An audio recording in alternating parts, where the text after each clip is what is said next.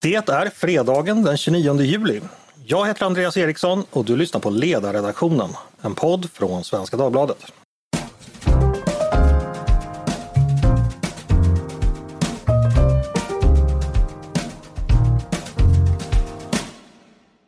Varmt välkomna! Vi har hunnit fram till den sista fredagen i juli månad, vilket innebär att det återigen är dags för Svenska Dagbladets ledarredaktion att tillsammans ge sin syn på veckans händelser. För bortom humlornas surr, fyrtaktsmotorernas dova väsande och hammockens gälla knarr fortsätter politiken och samhället och världen att rulla på och kräver att någon tycker till om det hela.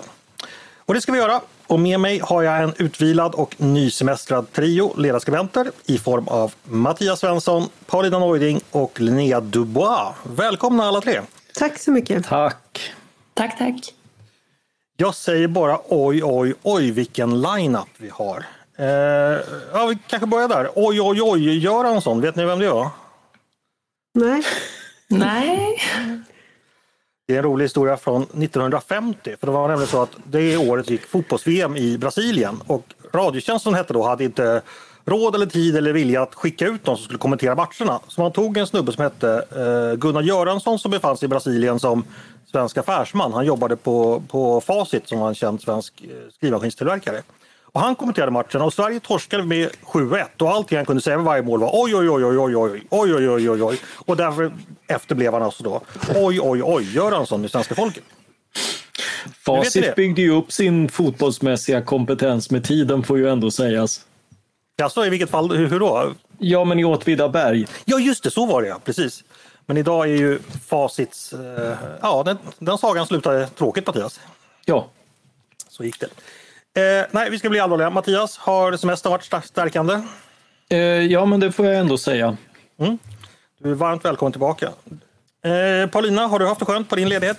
Jag har haft det mycket bra. Jag har ju hälsat på dig också på Landsort. Mm, det har du bland annat gjort. Eh, jag tror inte du ville nämna det, du som brukar vara så privat av dig. Men Nej, men du, eh, jag vet ju att du inte har några spärrar så att jag tänkte eftersom vi var hemma hos dig så kan jag säga det. ja, ja, nej, men absolut. Hur gick det när vi skulle leta upp, eh, åka på sälsafari då? Ja, det fanns inga sälar. Nej, det var dåligt med Eh, sälar. du, jag hade blivit lovad säl och det fanns Ja. inga. Sälsynta. Exakt. Pengarna gick tillbaka.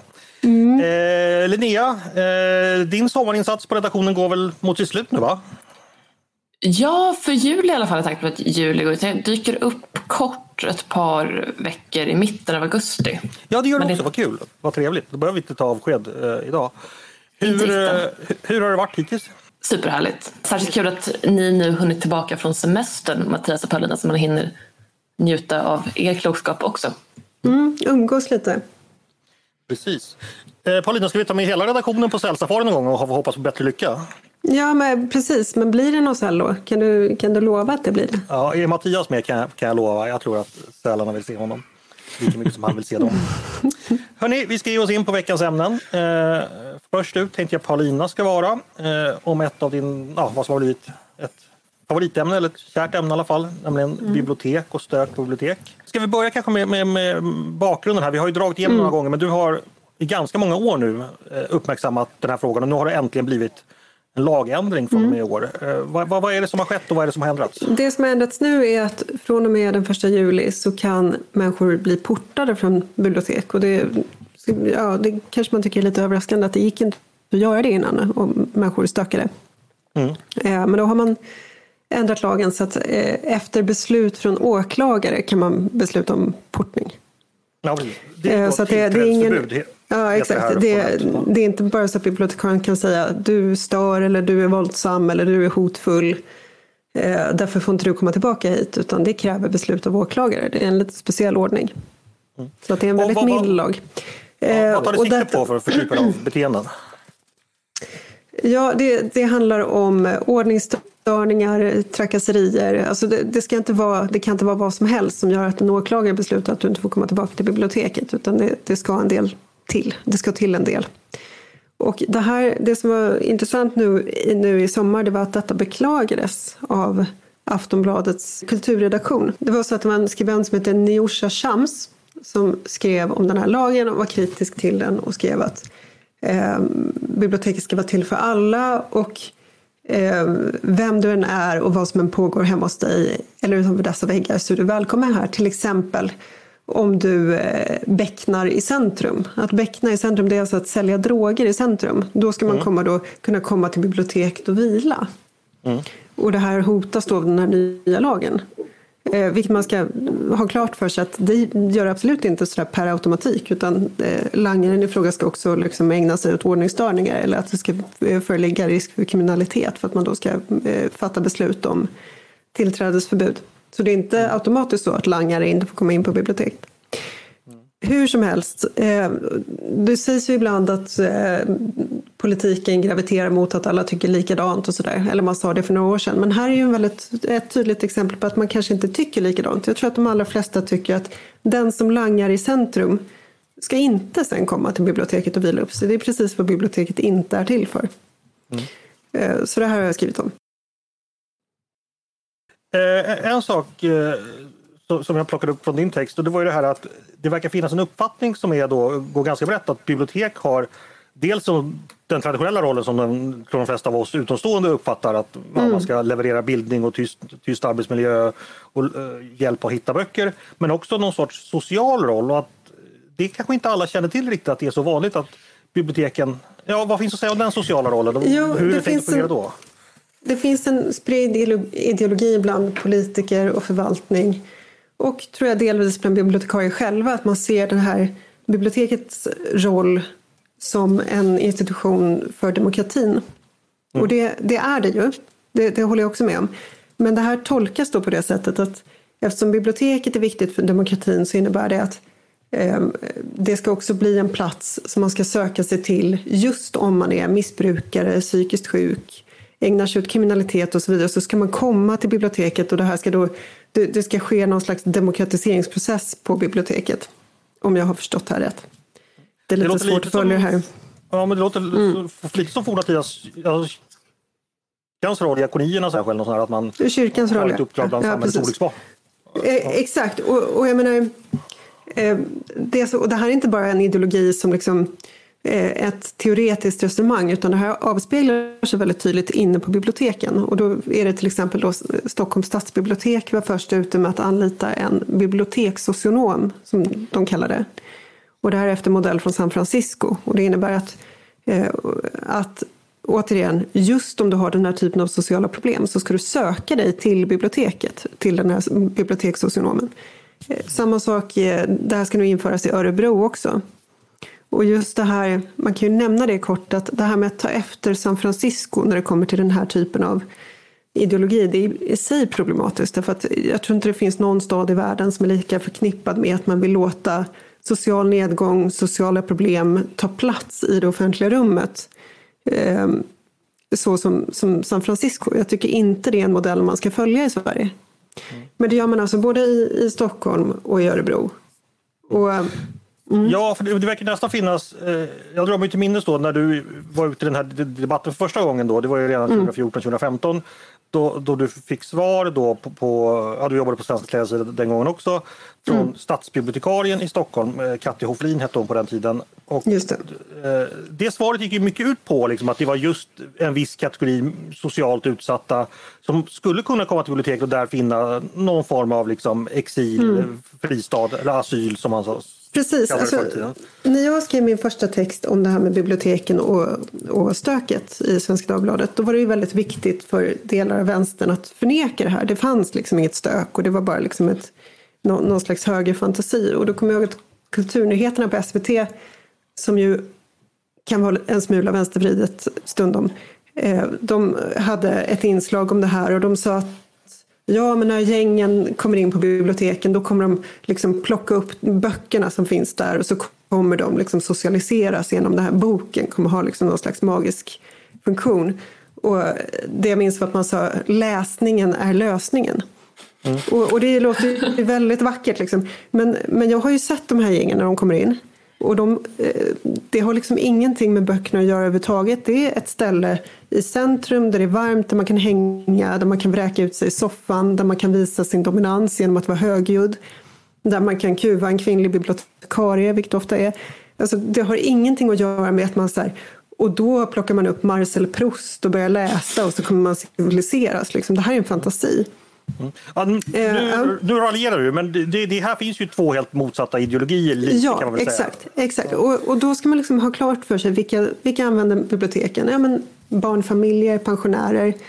Och jag tror att väldigt många barnfamiljer skulle nog känna att om biblioteket är en plats där man möter langaren från centrum, så som Aftonbladet vill att det ska vara, ja, men då går man inte dit om man kan undvika det. Eh, samma sak om du är en ung kille som bor i orten och verkligen inte vill eh, göra gängkarriär utan du vill göra någonting annat, du sitter där och läser, då kanske du inte vill möta gängen inne på biblioteket. Eller om du är en helt vanlig människa som betalar skatt och vill ha ditt bibliotek som bibliotek. Eh, då ska du få ha det också om vi ska då ändå ge, ge rättvisa åt Aftonbladets kultur och Nyårs Shams så är det ju, bortsett från det här med, med, med knarklangare och så här, hon har ju två huvudsakliga motargument om jag tolkar mm. det rätt. Dels är att hon då eh, misstror den här lagen och att man helt enkelt kan utsatta människor kommer uteslutas ur en offentlig gemenskap på oklara subjektiva mm. grunder. Och, det, det, och sen hon också att det kommer vara svårt för bibliotekspersonalen att utföra den här uppgiften, att den är närmast polisiär. Ser du någon poäng om du ja, ändå försöker tänka gott om hennes mm. argument. Så att säga. Jag tror tvärtom att det här kommer vara en väldigt tandlös lag just därför att man måste gå via åklagare och allt det där. Och mm. jag tror att det finns en social uppfattning, återigen politik, förvaltning, det finns en kultur inom, inom biblioteksvärlden om att man ska ha den här rollen som eh, den här demokratiska öppna platsen då som man föreställer sig den. Och, mm. och jag tror att det är viktigt också att säga att ja, men det är klart att biblioteket har en otroligt viktig demokratisk funktion. Och det är att göra det, det samlade mänskliga kunnandet och skapandet tillgängligt för alla människor oavsett plånbok. Det är ingen liten sak. Eh, fokusera på det och så kan socialkontoren få vara socialkontor. Eh, jag tänkte också en annan sak. Du fick ju också så småningom svar från Shams på, på Aftonbladets kultursida. Mm. Eh, för du hade ju då raljant frågat om inte, in, inte de här personerna skulle, som stör på bibliotek skulle komma och sätta sig på Aftonbladets kulturredaktion. Mm. Och, och, svaret var då att jag tror, eh, ja, du, nu citerar jag Shams, att jag tror inte allmänheten skulle ha ett intresse av att komma och vila eller hänga på våra kontor. Det tror jag de skulle ha. Jag tror många medborgare skulle ha ett stort nöje i att hänga på Aftonbladets kulturs kontor. Jo, precis. Säga, lära de, de har jättebra annat. fester också. Mm, exakt. Ja, du har ju varit där Mattias. Ja, nej, men så här. Eh, det finns en kategori radikala idéer som är någonting som man helst utsätter andra människor för. Mm. Och jag tror att det här är en sån idé. Alltså man säger att oh, biblioteket ska vara den här demokratiska platsen där langaren från centrum ska kunna vila. Ja, men det finns faktiskt andra viktiga demokratiska institutioner. Stadshuset, där politikerna och förvaltningen själva sitter. Det är en jätteviktig demokratisk institution. Kan inte langarna gå dit? det ska sägas att kring de politiska byggnaderna, ja, men exempelvis riksdagen mm. nu har ju jämfört med för bara 15-20 år sedan har ju byggt upp enorma säkerhetsbarriärer och man, där man förut kunde gå rakt in bland tjänstemän och politiker, det kan man ju inte idag på något sätt. Nej, och jag menar vi är tillräckligt gamla för att ha upplevt det här skiftet från öppenhet till slutenhet. Mm.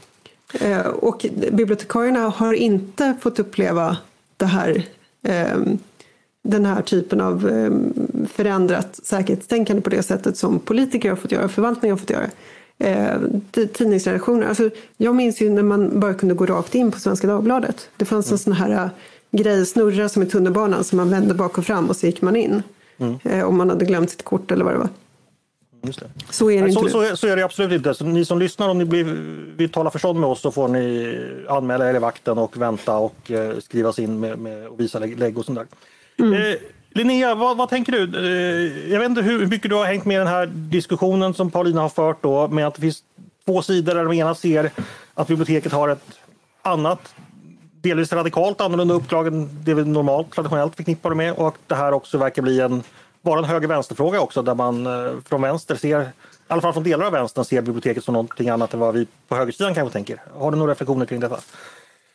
Jag har följt debatten och jag hoppas att det inte är en höger-vänster-fråga utan att det finns delar av vänstern som också ser eh, biblioteksuppdraget som viktigt nog för att, som Paulina säger, just få vara ett biblioteksuppdrag. Den här retoriken det blir någon sorts liksom, fritidsgårdsmentalitet. Eh, att, att montera ner bibliotekens uppdrag. Givet att vi också bara har offentliga bibliotek i princip så blir det väldigt många bibliotek som tar skada för att istället ha fritidsgårdar för becknare. Det är oseriöst. Mattias Svensson, eh, tidigare medarbetare på Aftonbladet Kultur. Varför ska man beckna i centrum och sen hänga på bibliotek? ja, men det tycker jag låter som eh, Du vill att man ska kunna beckna på ICA? Eh, jo, jag tror ju det är bättre om, på, om, på, på om andra än, än beväpnade gäng eh, får eh, sälja droger. Jag tror att det vore väldigt bra. Men eh, eh det, det, alltså, det finns ju en eh, väldigt gammal, jag hittade en rapport om stöket i stan från 1979 tror jag. Och man var då bekymrad över, eh, över liksom att eh, farkoster på hjul tagit över trottoarerna och hotade allmän mm. ordning, eh, mm. precis som nu. Och, och det var också samma spänning kring, liksom, då, då var det missbrukare som drog omkring mm. och, och hamnade på biblioteken. Jag fattar vilket kort du Men det spelar var, Mattias. Det var inte jag, samma sak Mattias. Det, det, alltså, Nej, det, man drar alltid fram det där och liksom Sokrates klagade jag, men, eh, ja, förlåt. Alltså, det, det, finns ju, det finns ju en gammal, det är det som det här bottnar i, att det finns en gammal motsättning som har varit mellan ett, ett socialt uppdrag och ett bildande uppdrag. Och ibland gifter sig de och ibland gifter de sig inte. Men ingen av de delarna är ju anpassad till att man ska bete sig och stöka och störa för andra och liksom den, den typen av problematik och än mindre att man ska kunna organisera vad som idag är brottslig verksamhet från eh, eller med hjälp av den här typen av offentliga lokaler. Mm. Så det är, ju, det är ju en annan problematik som, som liksom har man har försökt trycka in den här konflikten i en gammal mall och så börjar man plötsligt gulla med helt andra saker än, än tidigare. Det är inte längre någon eh, en och annan avsigkommen A-lagare som, som kan komma in i värmen. Utan, eh, utan alltså, det, det, är inte det man kommer åt med, med en lag mot stök utan det är ju folk som verkligen beter sig illa. Ja, men jättebra Mattias, det, det var klokt. Paulina, eh, Mattias verkar ju vara på Prussiluskernas sida här eh, och det han mm. säger är väl klokt att vi använder Nej, men så här, det är möjligt att det kanske förr ibland så är det här gnället på att ja, men ungdomen sköter sig inte och lyssnar på, på diskodunk och sånt där. Att, att det liksom har överlevt in i en ny tid där den typen av bortförklaringar inte riktigt håller om jag tolkar Mattias rätt. Utan nu är det verkligen skarpt läge. Det är väl ändå mm. en välkommen insikt? Ja, alltså, motsättningen finns ju kvar mellan, mellan ett socialt och ett eh, och, och ett eh, bildande uppdrag. Det blir slitningar mellan det och det kan det väl få vara i, i ett samhälle och där, det kan väl få vara en höger-vänster-fråga men, men jag ser inte riktigt hur den här lagstiftningen mot stök handlar om det ena eller det andra faktiskt. Nej, Nej det, var ju, det var ju just Aftonbladets kultur som lyfte frågan nu. Eh, jag tror inte heller det är en höger och vänsterfråga så rent som, och jag, jag håller med Linnea, jag har sett många från vänster som också har markerat mot det här konstiga mm. sättet att tänka. Ni som lyssnar, jag tycker ni ska... Eh, det finns två saker jag skulle vilja tipsa om här för att förstå bakgrunden. Eh, dels det brev som Katti Hoflin, stadsbibliotekarien, skrev till ledarsidan 2015. Det är en väldigt intressant läsning. Delvis häpnadsväckande när jag läste det igen mm. inför den här podden faktiskt. För den, den, den blottar radikalt andra tankar än vad jag trodde liksom bibliotek skulle stå för. Och det andra är en debatt som finns på Youtube där Paulina debatterar den här frågan 2017 tror jag det är med dåvarande kulturborgarrådet i Stockholm, eh, Roger, eh, Roger Mogert, eh, som man också kan titta på. Där, där han anklagar dig delvis för att gå eh, mörkens makter tillhanda och att det handlar delvis om, om rasism. Mm. Det är mm. också en anklagelse som har dykt upp. Den här frågan har ju handlat mycket i så att säga, den dimensionen mm. också. Eh, kanske gör det fortfarande, eller vad tänker du? På jo, det? men det är ju därför det har varit så otroligt viktigt för delar av vänstern och delar av etablerade medier att eh, eh förneka det här problemet. Att säga att det, det här finns... Det, jag läste Expressen Kultur skrev att um, eh, Neuding hittar på och, och egentligen så är det gamla gubbar som står på biblioteket, inte alls gäng. Det finns inga gäng på bibliotek. Så det har varit jätteviktigt att förneka det här. Vilket för mig är ett tydligt tecken på att oj då, nu har vi kommit i närheten av integration och migrationsproblemet här. För då, mm. då brukar det bli väldigt viktigt att Då händer det Att- saker. Känner du att du har precis. vunnit debatten om sakförhållandena? Eller vunnit, men Jag tror att de allra, alltså, det, här, det här är ett sånt här exempel på där en liten, liten elit går bort sig helt i tok utifrån ett totalt elitperspektiv och utifrån eh, det här. Det, det, det finns en amerikansk sociolog som jag pratat om förut som heter Rob Henderson som har skrivit om någonting som heter lyxuppfattningar, luxury views eller luxury beliefs. Att man har åsikter som ger som ger en status i ens egen sociala krets men som innebär en kostnad för människor lägre ner i samhällshierarkin. Och det här är ett typiskt exempel på en liten elit som har de här lyxuppfattningarna som, som låter väldigt fina. Läsningen är lösningen och så vidare sitter man och säger till varandra. Medan den här eh, pensionären som tänkte gå och läsa en bok på sitt lokala centrum och hon ser de här gängen och tänker nej men jag går hem istället. Och så har hon förlorat en del av sin livskvalitet som kanske var ganska betydande. Och låsningen eh, i debatten eh, kvarstår. Eh, ja. eh, det var ett intressant sammanfattning av en lång diskussion som säkert kommer få fortsättning. Hörrni, eh, vi ska gå vidare eh, till Linnea och ett ja, kanske lite närliggande ämne. Det handlar om en text du skrev i veckan som handlar om den slutna ungdomsvården. Det vill säga den påföljd som kommer i fråga för lagöverträdare som är för unga för att sitta i fängelse. Det är en rätt dyster bild du målar upp Linnea. Berätta, vad, vad är statusen för ungdoms, den slutna ungdomsvården just nu? Hur är läget helt enkelt?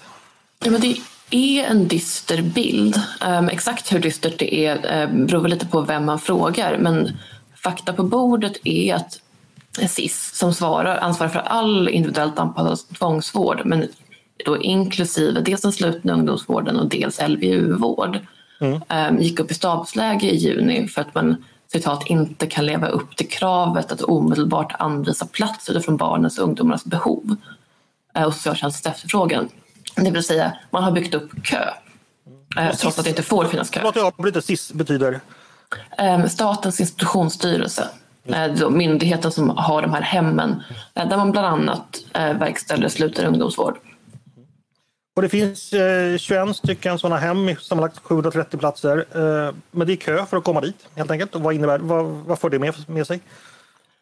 Eh, Det innebär ju eh, olika saker beroende på vilken sorts ungdomar det är som står i kö. Ehm, I Göteborg så förekommer det att eh, så, eh, enligt socialnämnden där att unga kriminella eh, får vänta på att låsas in så att säga. Vilket dels innebär att de springer runt som de vill och dels innebär att de inte får den liksom, rehabilitering de kanske inte skulle behöva. För utgångspunkten för den här påföljden som sluten ungdomsvård är, är ju just om man fångar de här ungdomarna och med hjälp av psykologer och socionomer och det ena med det fjärde kan hjälpa dem tillbaka till ett mer, eh, men, mer funktionellt liv helt enkelt. Men det funkar ju inte nu eh, för alla och eftersom SIS också har eh, bland annat en LVU-uppdrag ehm, så riskerar det att få negativa effekter även på andra delar av deras verksamhet. Och jag tycker att det är intressant att eh, anledningen av myndigheten hänvisar till för varför man har platsbrist är dels personalbrist, eh, svårighet svårigheter att rekrytera, ehm, visst renoveringsbehov som har behövt stänga en del hem men också att man har eh, ungdomar med extraordinärt stort vårdbehov. Eh, det, det verkar som att det är i större utsträckning än tidigare. Eh, det är, av sekretesskäl så är det lite svårt att se exakt om det, om det handlar om LVU eller eh, sluten ungdomsvård. Då, då. Men rent generellt så ser vi en samhällstrend där vi har allt tyngre kriminalitet, allt lägre ner i åldrarna. Vilket innebär allt, mer, allt större liksom, problemfall som den här vårdande myndigheten ska hantera inom ramen för den här verksamheten. Och det är klart att det blir en belastning. Mm. Bara så att det blir helt tydligt, för det det här var något som förvånade mig lite. Det är alltså så att eh, de här eh, ungdomshemmen, det är både de som omhändertas, tvångsomhändertas enligt LVU, alltså tunga missbruksproblem eller eh, psykisk ohälsa det kan vara, men också de som döms för påföljden sluten ungdomsvård. De går så att säga in i samma system. Det tyckte jag var lite, det visste inte jag faktiskt. Men, men är det rätt uppfattat av mig då? Ja, alltså, eh, sådär, eh, det är samma myndighet. Sen är det olika typer av hem. Ja, okej, Ehm. Myndigheterna har olika sorters hem beroende på om man behöver kunna låsa in folk eller annat. Vid behov kan dock LVU-platserna, som jag har uppfattat det, omvandlas till slutna ungdomsvårdsplatser för att det liksom uppdraget har högre prioritet än att hjälpa sig de här tonårstjejerna som hamnat på glid och liksom prostituerar sig för att finansiera ett missbruk. Mm. Det blir en ganska konstig ordning. Eh, vad vet vi om orsakerna till att det blivit så här? Myndigheten själv nämnde renoveringsbehov och personalbehov. Eh, är det så eller har, finns det andra förklaringar? Det vet ju myndigheten eh, bäst själv. Men som jag nämnde tidigare, det kan man fråga sig varför är det svårt att rekrytera? Handlar det bara om att alla har svårt att rekrytera eller är det oattraktivt att jobba med att rehabilitera liksom, gängkriminella kids istället för liksom, den typen av ungdomskriminalitet man kanske sett i högre grad liksom, tidigare decennier. Eh, sen också det här, men, demografin eller vad man ska säga på de här eh, unga som döms till liksom, den här påföljden för grova brott eh, ser annorlunda ut. Jag skulle gissa att det påverkar. Du nämner också ett exempel på där, där i Göteborg var det då kommunen placerar ungdomar med så, så säga, SIS-beslut på vanliga HVB-hem, alltså så säga, där, där, barn med svåra hemförhållanden hamnar. Det låter ju inte heller som en särskilt klok lösning. Det låter ju inte alls som en särskilt klok lösning och det är inte en lösning som någon eh, vill ha. Det är ett beslut som fattas av socialnämnden där. Eh, för de har gjort vad de kunnat i väntan på att SIS ska kunna ta emot de här ungdomarna. Mm. Ehm, det är socialnämndens sätt att försöka hantera att den statliga myndighet man ska skicka de här ungdomarna till inte har kapacitet att ta emot dem i nuläget. Det här känns, eh, ja det är kanske jag som är obildad men i alla fall för min del så var det här nyheter. Eh, ett problem som flugit lite under radarn tänker jag. Eh, eller Mattias, överraskade det här dig den bild som Linnea målar upp eller kände du till det? Eh, jag, jag, kände inte till det specifikt men, men eh, det är egentligen inte särskilt överraskande. Vi har, alltså, det, det är tre komponenter här. Vi har ju sett med fängelserna samma problematik eh, med, med fruktansvärda våldsdåd som har begåtts, inte minst den här uppmärksammade närmast tortyren på, i Solna av, av unga killar som begåtts av folk som, skulle, som dömts till och skulle ha suttit i fängelse. Mm. Eh, så den typen av problematik har vi ju sett på senare år. Många, många har dömts eh, men, men inte eh, låsts in. Och, och, det finns en kapacitetsbrist på många, många ställen och, och staten är inte jättebra på att liksom bygga ut. Och sen också fängelser så eh, pratar man ju om det här att eh, ja, vi har ingen lokal, liksom. vi, vi, vi har inte renoverat och, och det är eftersatt och sånt där. Så det är, det är ju det är en generell problematik till vilken vi då adderar eh, en synnerligen elak brottslighet som sjunkit i åldrarna med skjutningar och, och utpressning och mycket eh, rå, rån med, med mycket starka våldsinslag. Mm. Paulina, ännu en i raden av fenomen. Eh, mm, ja, du suckar. Ett, vi har ett exempel. Själv, självklara samhällsfunktioner som visar allvarliga mm. brister. Vi har ett exempel från den här veckan som berättar hur långt det har gått. Det finns ju misstankar. Det är en 17-åring som har hittats död i Orminge i Nacka. Välmående område generellt. Ja, jag bor i eh, närheten. Man tror att den här 17-åringen har blivit kidnappad, eventuellt för någon lösen summa och sen avrättad. Eh, han har utsatts för synnerligen grovt våld, heter det. Och man pratar också om en, vård, en våg av såna här tortyrkidnappningar. Kidnappningar. Alltså en latinamerikanisering av den svenska gängkulturen. Och detta att ett barn kan mördas under sådana omständigheter i en sån kontext där det finns det spelar in en systematik och normer. Alltså det är inte en galning som har utsatt honom för detta. Utan det här är, det sker i en kontext där det finns eh, gangsternormer på det här sättet. Mm. Det är så otroligt allvarligt. Och det är fortfarande ingenting som vi sitter och så här, det var inte det första vi sa till varandra när vi hade möte i morse, så har ni hört? Utan man bara, ja, okay, men... Sol, solen skiner, livet pågår. Alltså, det, det säger någonting om, om normaliseringen.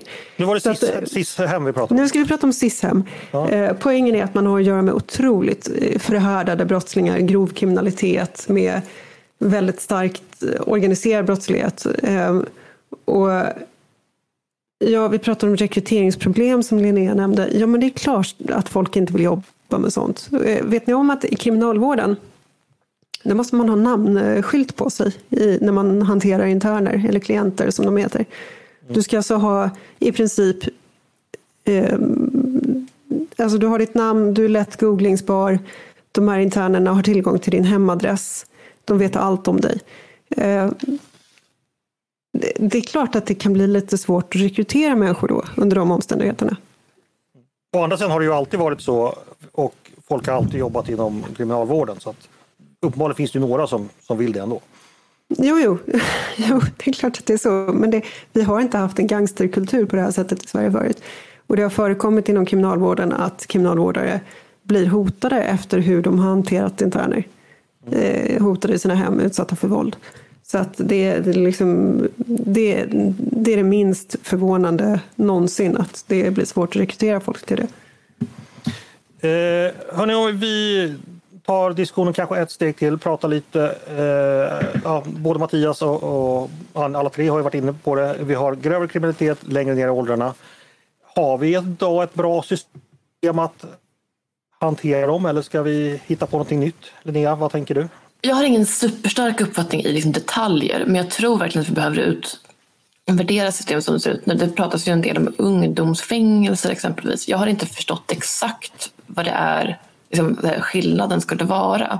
Eh, men jag tror att den här grundtanken om att så, rehabilitering är alltid möjligt. Jag tycker den är sympatisk. Men för att rehabilitera eh, den här typen av riktigt elakt radikaliserade gangsterkids som det i vissa fall är fråga om eh, så behövs det nog kanske andra former för det, mer avgränsade former för det med annan typ av personal och annan typ av kompetens kanske än att tro att det går att liksom bunta ihop alla möjliga eh, men, ungdomsbrottslingar eh, och hjälpa dem alla på samma sätt. Och sen eh, kanske det ärligt talat inte är så att alla de här 17-åringarna bara ska få hjälp.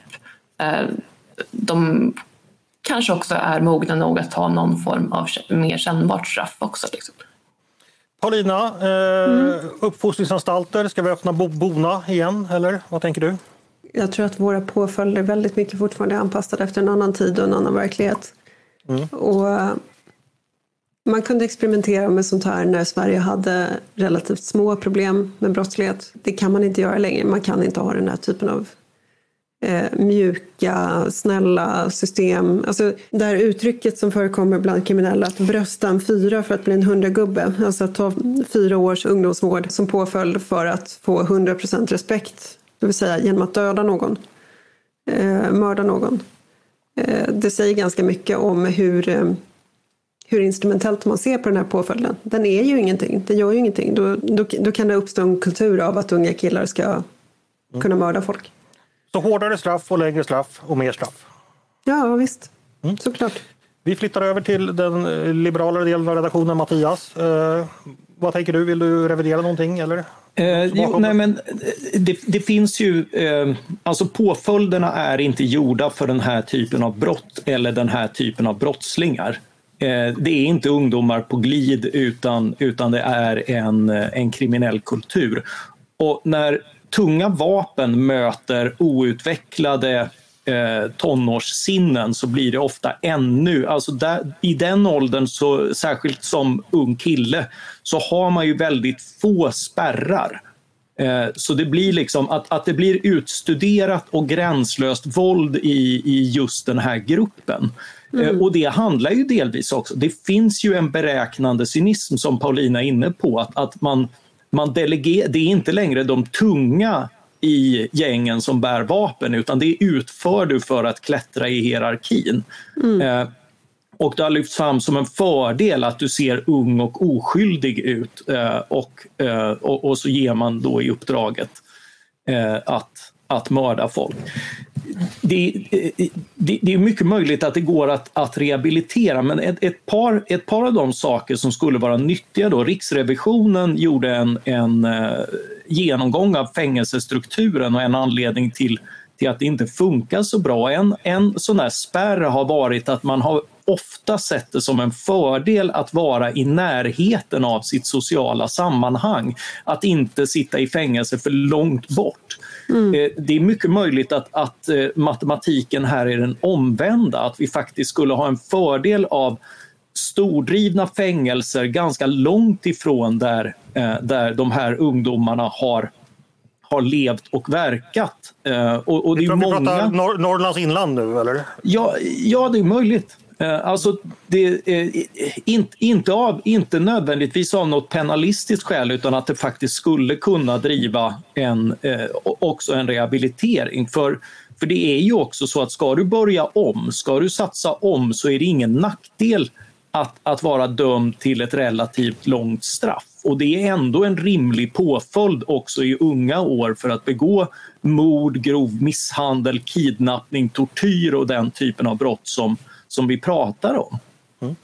Eh, batongliberalt svar eh, kanske är det svaret. Linnea, du som ja, skrev texten, du får avrunda. Eh, är det här... Eh, ja, i politiken, är det en politisk fråga? Är man oense här tror du eller är alla överens men ingen har lösning? Eller hur ligger frågan enligt din bedömning? Min bedömning är väl att det, men, det är en fråga som grupperar sig lite längs liksom, bibliotekslinjerna faktiskt. Um, att det uppfattas som en fråga om hårt mot mjukt. Jag skulle vilja hävda att även den hårdare linjen handlar om omsorg, inte bara för systemet utan liksom även om de som omfattas av systemet.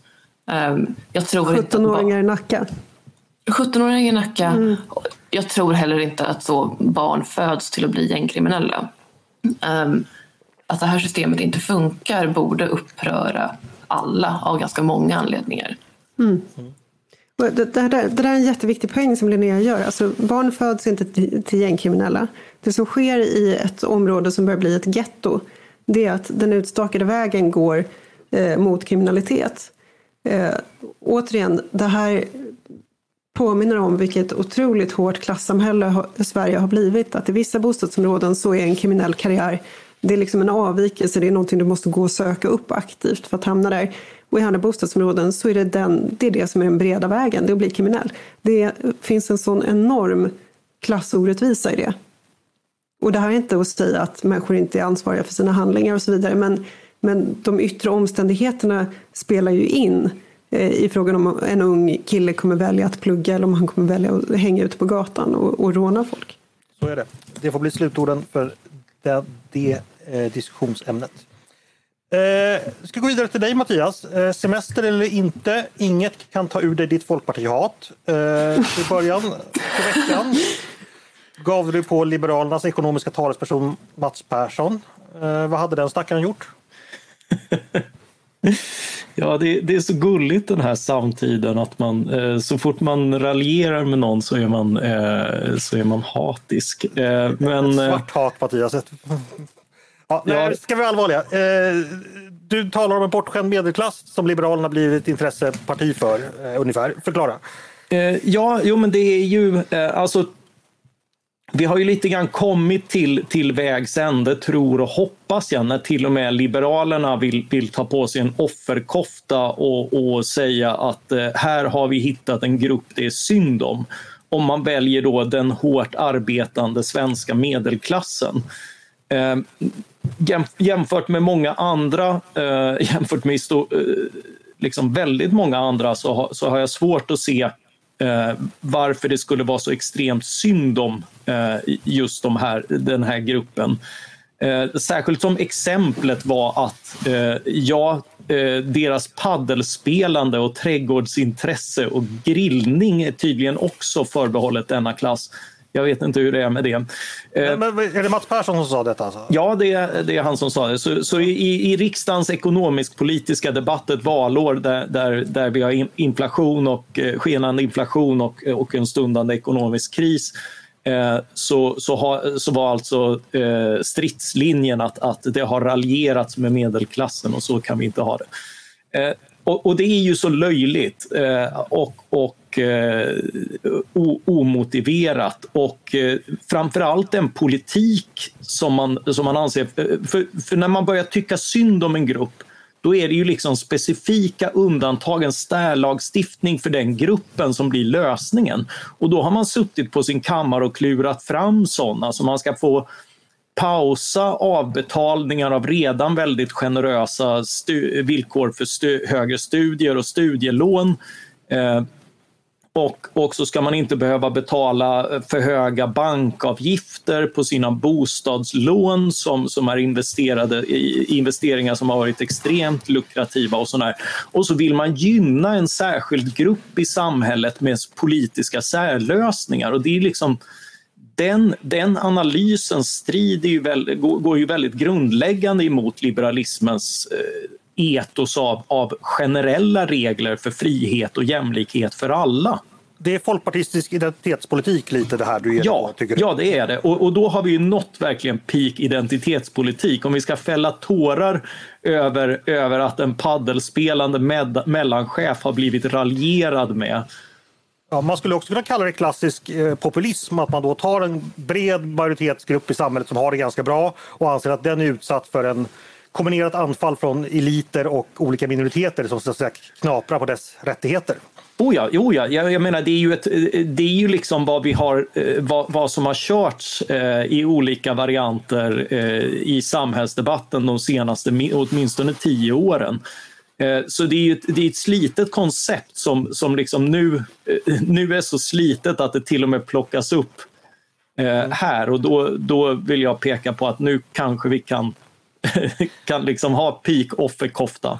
Men okej, vi pratar lite politik då. Liberaler med litet L, alltså ideologiska liberaler. Vad, vad borde man göra eh, istället i, i, dagens läge när det gäller, kommer till just ekonomin? Ja, men dels konstatera att de här, de här särreglerna tenderar att ofta gynna liksom de systemsmarta inom, inom den här medelklassen. Men de gynnar ju långt ifrån alla och de gynnar ju definitivt inte ekonomins funktionssätt.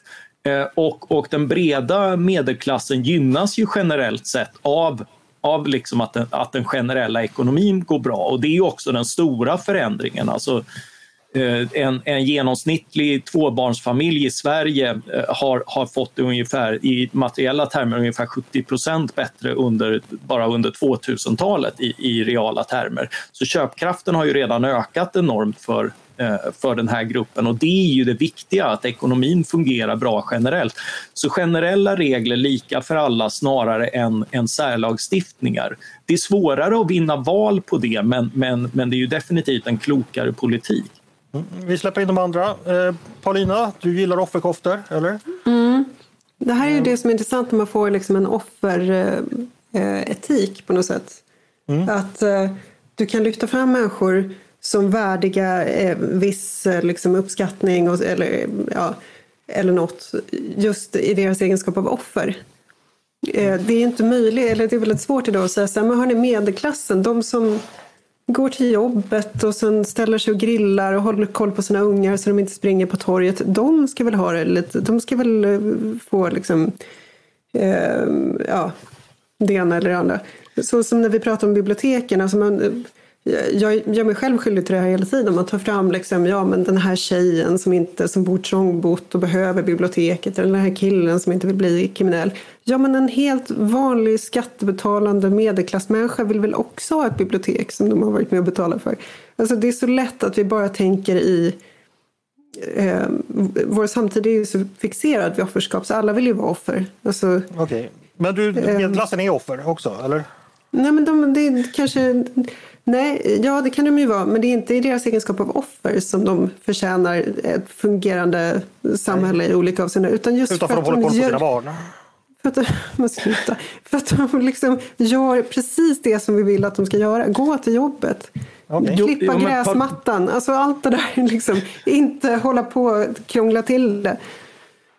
Eh, inte Beckna i centrum. Inte Beckna i centrum. Nej, nej men Paulina har ju en poäng här. Alltså, ni, ni, är med på vad jag pratar om här. Vi är med på ja. Eh, Linnea, eh, Mattias, Paulina säger att man ska klippa sin gräsmatta och inte beckna i centrum. Det tror jag alla är överens om. Men det här med det Mattias tar upp kring att offerskapet, att det blir, ja, det blir peak offerskap där till och med liksom den breda medelklassen är ett offer för, för det mesta. Köper du den bilden och är det ett problem tycker du?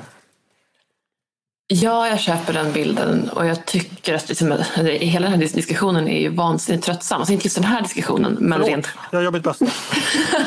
Nej, men rent, men rent generellt diskussionen om oh, medelklassens alla problem. Liksom. Det är väl fullt naturligt att eh, men, medelklassen, då brett förstått som, om man pratar om alla som har gått till, går till jobbet och klipper sin gräsmatta, det behöver inte vara medelklass i någon form av äldre klassanalys. Liksom. Eh, men ingen vill vara arbetarklass längre. Eh, nej, men liksom, det är väl ett ganska eftersträvansvärt ideal. Det är klart att det verkar rätt trevligt att bo i ett radhus och ha en grill och en hund. Liksom. Eh, men det behöver, innebär ju inte att politiken ska åstadkomma särlösningar för den gruppen. Nej. Eh, Svenska Dagbladets ledarredaktion gör tummen ner för identitetspolitik även för medelklassen och för Folkpartiet kan man väl sammanfatta det. Hörni, vi ska gå vidare och nu kommer vi till mitt favoritmoment. Det kallas för Svar direkt. Eh, då testar vi i realtid den politiska kompassen hos vår redaktion. Jag ställer dem inför aktuella frågor och de får omedelbart ge respons på detta. Helt enkelt ge svar direkt.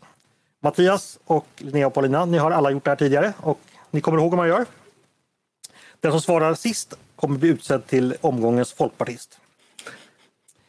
Regeringen har bjudit in oppositionen till samtal om energifrågan inför den kalla och dyra vinter som nu förväntas. Oppositionen är dock föga intresserad av att delta i sådana samtal. Med tanke på hur det gick sist när det var energipolitiska samtal, då lade man ner två reaktorer. Vi kunde inte medverka till det då och ser ingen anledning till att medverka till det nu heller. Säger exempelvis Liberalernas partiledare Johan Persson till TT. Vad tycker vi om detta? Ger opposition, gör oppositionen rätt som ger regeringen kalla handen när det gäller energisamtal? Jag vill ha svar direkt. Ja. Ja. Vet ej. Mattias, du var snabbast. Varför ska man inte ta den utsträckta handen?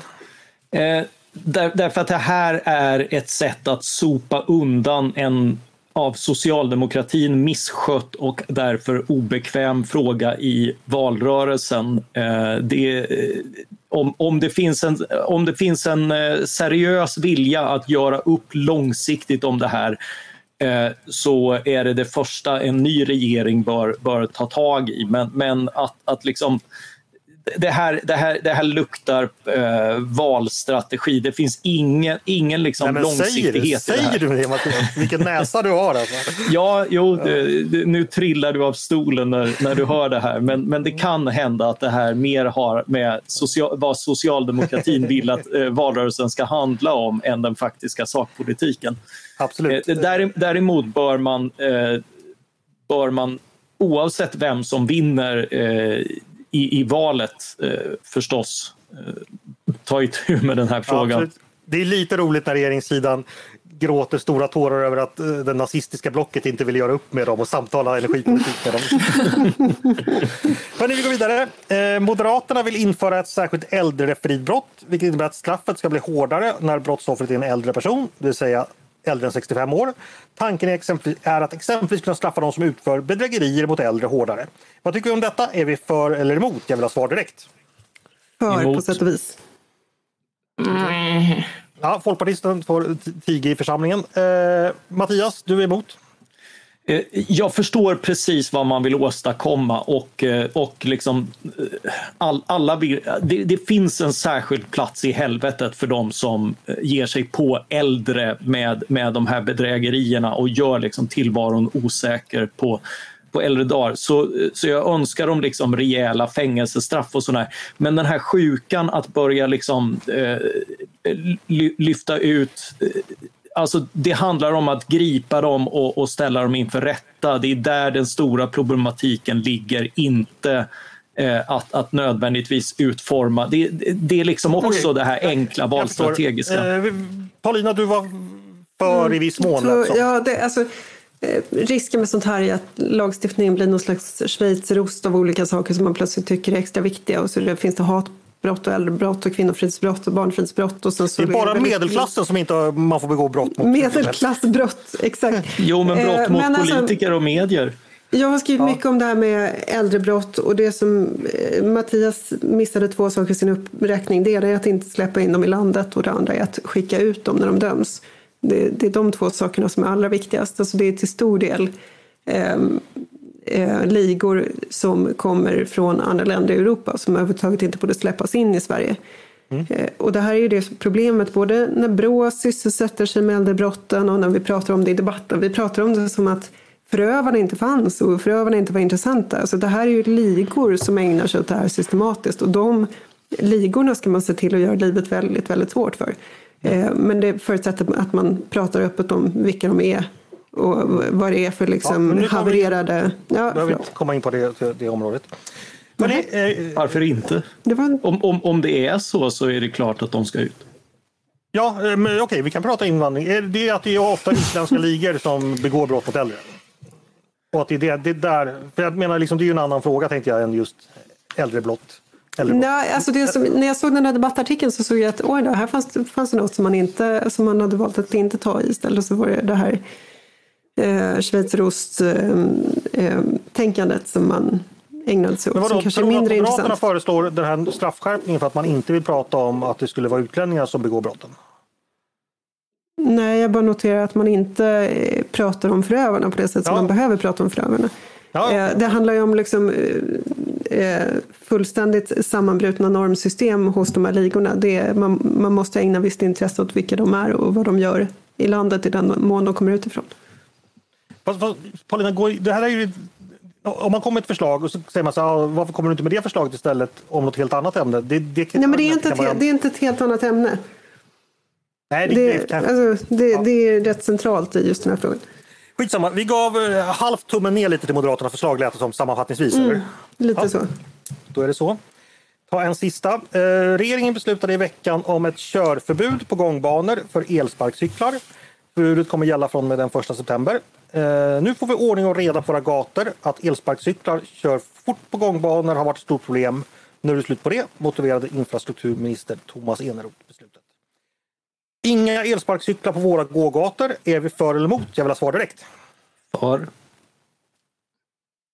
Mot. Ja, eh, Paulina väljer att tiga. Eh, ja, men börja med dig Linnea, varför är det fel att förbjuda elsparkcyklar? Alltså, jag tycker inte att elsparkcyklarna ska vara på gångbanorna. Jag tycker också att det är superstörigt. Det innebär inte att jag tror att lösningen är liksom så allmänt förbud.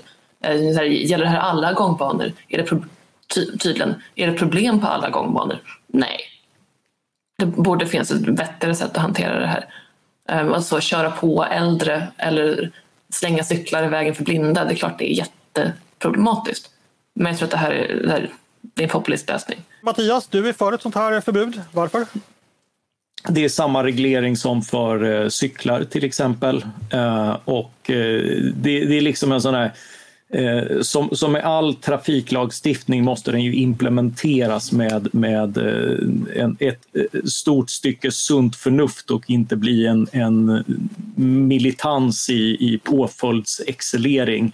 Men, men som, som så så tycker jag det är rimligt att, att behandla eh, de här cyklarna som cyklar precis som andra cyklar. Och därmed ska vi gå vidare till eh, ett annat av mina favoritmoment faktiskt. Eh, alla moment är ju faktiskt mina favoriter. Det är vår lilla trivia-tävling som heter Är du smartare än en ledarskribent?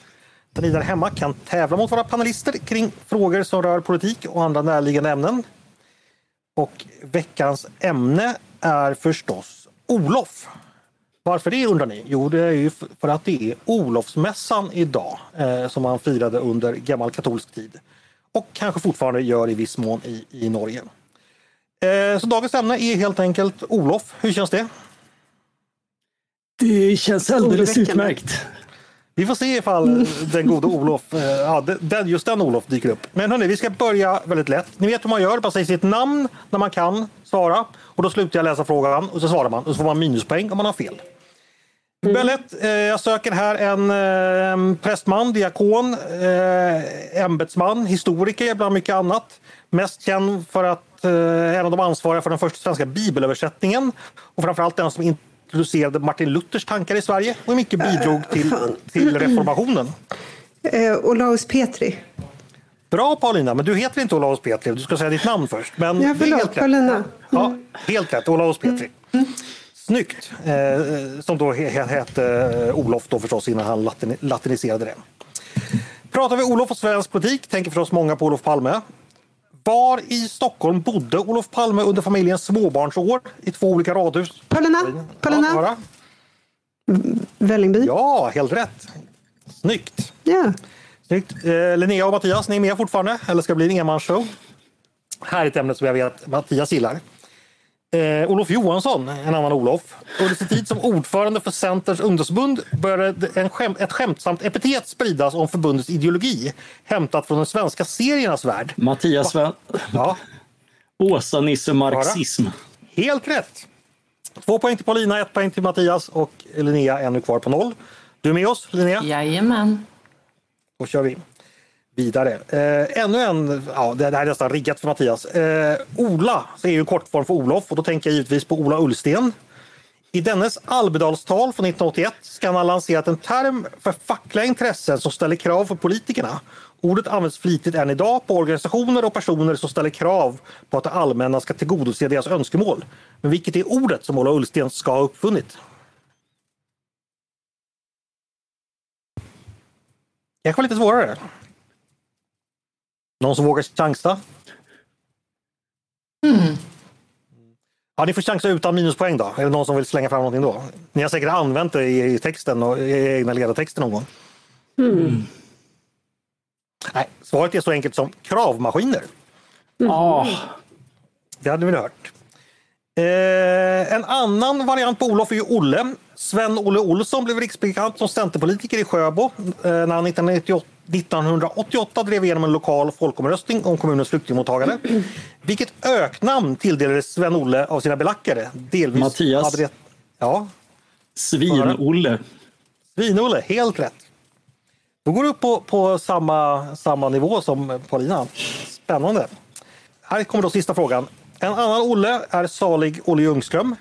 Med sitt repband medverkade han i filmen G i rollen som ett dekadent popband med visst fascistoid stil. Men vad hette bandet?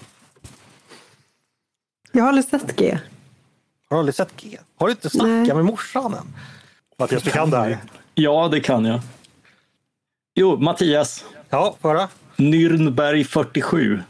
Helt rätt, snyggt! Och där, en återvändande från semester, Mattias Svensson, tar hem dagens eh, Är du smartare än ledarskribent? Mattias var i alla fall smartast av de ledarskribenter som deltog. Kan vi få ett litet jubel här Bra Jesper? Ja, ja, det här, det här eh, kommer jag leva på. eh, kommer jag behöva leva på länge. Jag är ju generellt sett väldigt oallmänbildad. Jag, jag unnar dig det här, kan vi säga. Det, det, är, det är lite roligt för att Olle Ljungström fick de frågan om bandets namn då och då sa han att han hade kommit på eh, bandnamnet Nürnberg 47 men kom efteråt, i efterhand på att det är ju helt fel för att rättegångarna var 1948. Det hände inte ett skit i Nürnberg 1947. Vilket är helt vansinnigt för Nürnbergrättegångarna ju 1945 man kanske kände, ja de påbörjades 1945 med den stora rättegången och sen var det ju rättegången ända fram till 1949 så att det gick väl att säga Nürnberg 47 om man ville det. Liksom. Ja, det är ju en median då. Det något? Ja, precis. Ja, ja, men då ska vi bara knyta ihop säcken med eh, vår lilla rundfråga. Faktiskt också mitt favoritmoment. Eh, jag tänkte vi ska vara lite hoppfulla ändå, eh, trots att det råder allvarstid ute i världen. Jag tänkte fråga er eh, om ni i politiken under våren och sommaren hittat någonting som gjort er hoppfulla inför framtiden. Och jag vet att den här frågan är allra svårast för dig Paulina, men jag tänkte ändå du skulle få, få börja. Finns det någonting? Eh, ja, det har börjat diskuteras en del kring skolan på ett sätt som jag tycker är ganska hoppfullt. Ehm, Jag tycker man hör mer i debatten att man börjar göra upp med eh, flumföreställningar. Det är väldigt, väldigt lång väg kvar och vi har en hel generation som är liksom fostrad av den svenska flumskolan även om man nu brukar idealisera 90-talets svenska skola ehm, på, på ett sätt som kanske inte är helt välgrundat. Men det, det börjar hända någonting. Det börjar hända någonting i debatten om skärmar i förskolan där Sverige är världsunikt. Alltså det, det känns som att det börjar röra på sig, kanske långsamt i rätt riktning, även om vägen framåt är lång. Bara en nyfiken fråga. Eh, borgerlighetens inställning till vinstdrivande friskolor. Är det, hör du till de som tycker det är hoppfullt att detta problematiseras? Ja, absolut. Utmärkt. Det har ju vi Eh, pratat om i en egen podd. Det har vi gjort. Det kan man lyssna på. Det gjorde vi någon gång i våras. Så eh, gå in och leta i poddarkivet så får ni höra vad Paulina och faktiskt vad jag också tycker om saken. Det korta svaret är väl att det här inte är bra för eh, Sverige och inte för borgerligheten. Ungefär så ja. Eh, Linnea, har du upptäckt någonting eh, som har- gör dig hoppfull inför framtiden? Men jag har ju ändå det trots allt. Ehm, Jag upplever att diskussionen om ämnet liberal demokrati börjar röra på sig från att vara slagord, eh, centerstil, till att faktiskt börja bli ett resonemang kring hur vi liksom stärker Sverige konstitutionellt. Men, Utnämningsmakt, tjänstemannaansvar, hitan ditan. Eh, Delvis pådrivet från eh, annat Timbro men ty- tycker även att Moderaterna börjar ta i frågan på ett sätt som är konstruktivt. Eh, vi har väl delvis Gunnar Strömmer att tacka för det och att eh, gå från liksom, fina ord till faktisk policy på så eftersatt område tycker jag känns konstruktivt och hoppfullt. Absolut. Det känner också en strimma av hopp över detta. Mattias slutligen, du hittar ju hopp som andra hittar blåbär. Eh, vad är det, ditt senaste? Det Senaste vet jag inte, men det, det jag kommer att tänka på är ju, eh, alltså givet den, den mörka situationen, Ukrainas motstånd. Eh, och, eh, och även den uppslutning som har skett kring det. Eh, där, där man börjar upptäcka förtjänsterna igen i just det Linnea är inne på, nämligen den liberala demokratin och den samhörighet som finns mellan mellan eh, den typen av länder. Eh, jag menar, vi, vi, har kommit till, eh, till liksom förhandlingar om NATO-medlemskap. Vi har eh, kommit till, eh, till ett samarbete som, som jag tror att de, flesta had, hade sett var, var rätt otroligt som en respons. Eh, men framför allt då att, att Ukraina också visar sig ha eh, ha- har liksom försvarat sig över förväntan mot, mot en eh, på pappret oerhört överlägsen eh, krigsmakt. Så, så eh, alltså diktaturer och, och den typen av styre har, har visat sina svagheter, tyvärr genom sin sin mest brutala sida men, men eh, de har visat också svagheten. När de har tagit fram den så visar sig också svagheten i den typen av, av brutalitet och, eh, och eh, de som vänder sig emot det har trots allt kunnat se förtjänsterna av Eh, andra typer av samhällen och kanske också känna en, en tacksamhet för att, eh, för att få leva i fredliga, fria, demokratiska samhällen. För det är verkligen en ynnest. Verkligen. Se där, tre saker att känna hopp och förtröstan eh, kring inför framtiden. Jättebra val måste jag säga. Och därmed har vi faktiskt kommit till slutet på dagens eh, podddiskussion. Varmt tack för att ni vill vara med mig Mattias, Paulina och Linnea. Ett Tack för nöje. att du kom. Ja, tack själv. Nu hoppas jag att ni får en riktigt skön helg i högsommarens tecken. Och det hoppas jag förstås också att ni som lyssnar får. Eh, ni som har lyssnat på Ledarredaktionen, en podd från Svenska Dagbladet. Ni är varmt välkomna att höra av er till redaktionen med tankar och synpunkter vi precis diskuterat eller om ni har idéer och förslag på saker vi ska ta upp i framtiden. Det är bara att mejla till ledarsidan snabel svd.se. Och i och med det här programmet så är det faktiskt så att sommaren på eh, Svenska Dagbladets podd går mot slut och redan nästa vecka börjar vi sända podd dagligen igen inför den stundande valrörelsen. Så vi behöver massor med bra tips på bra ämnen.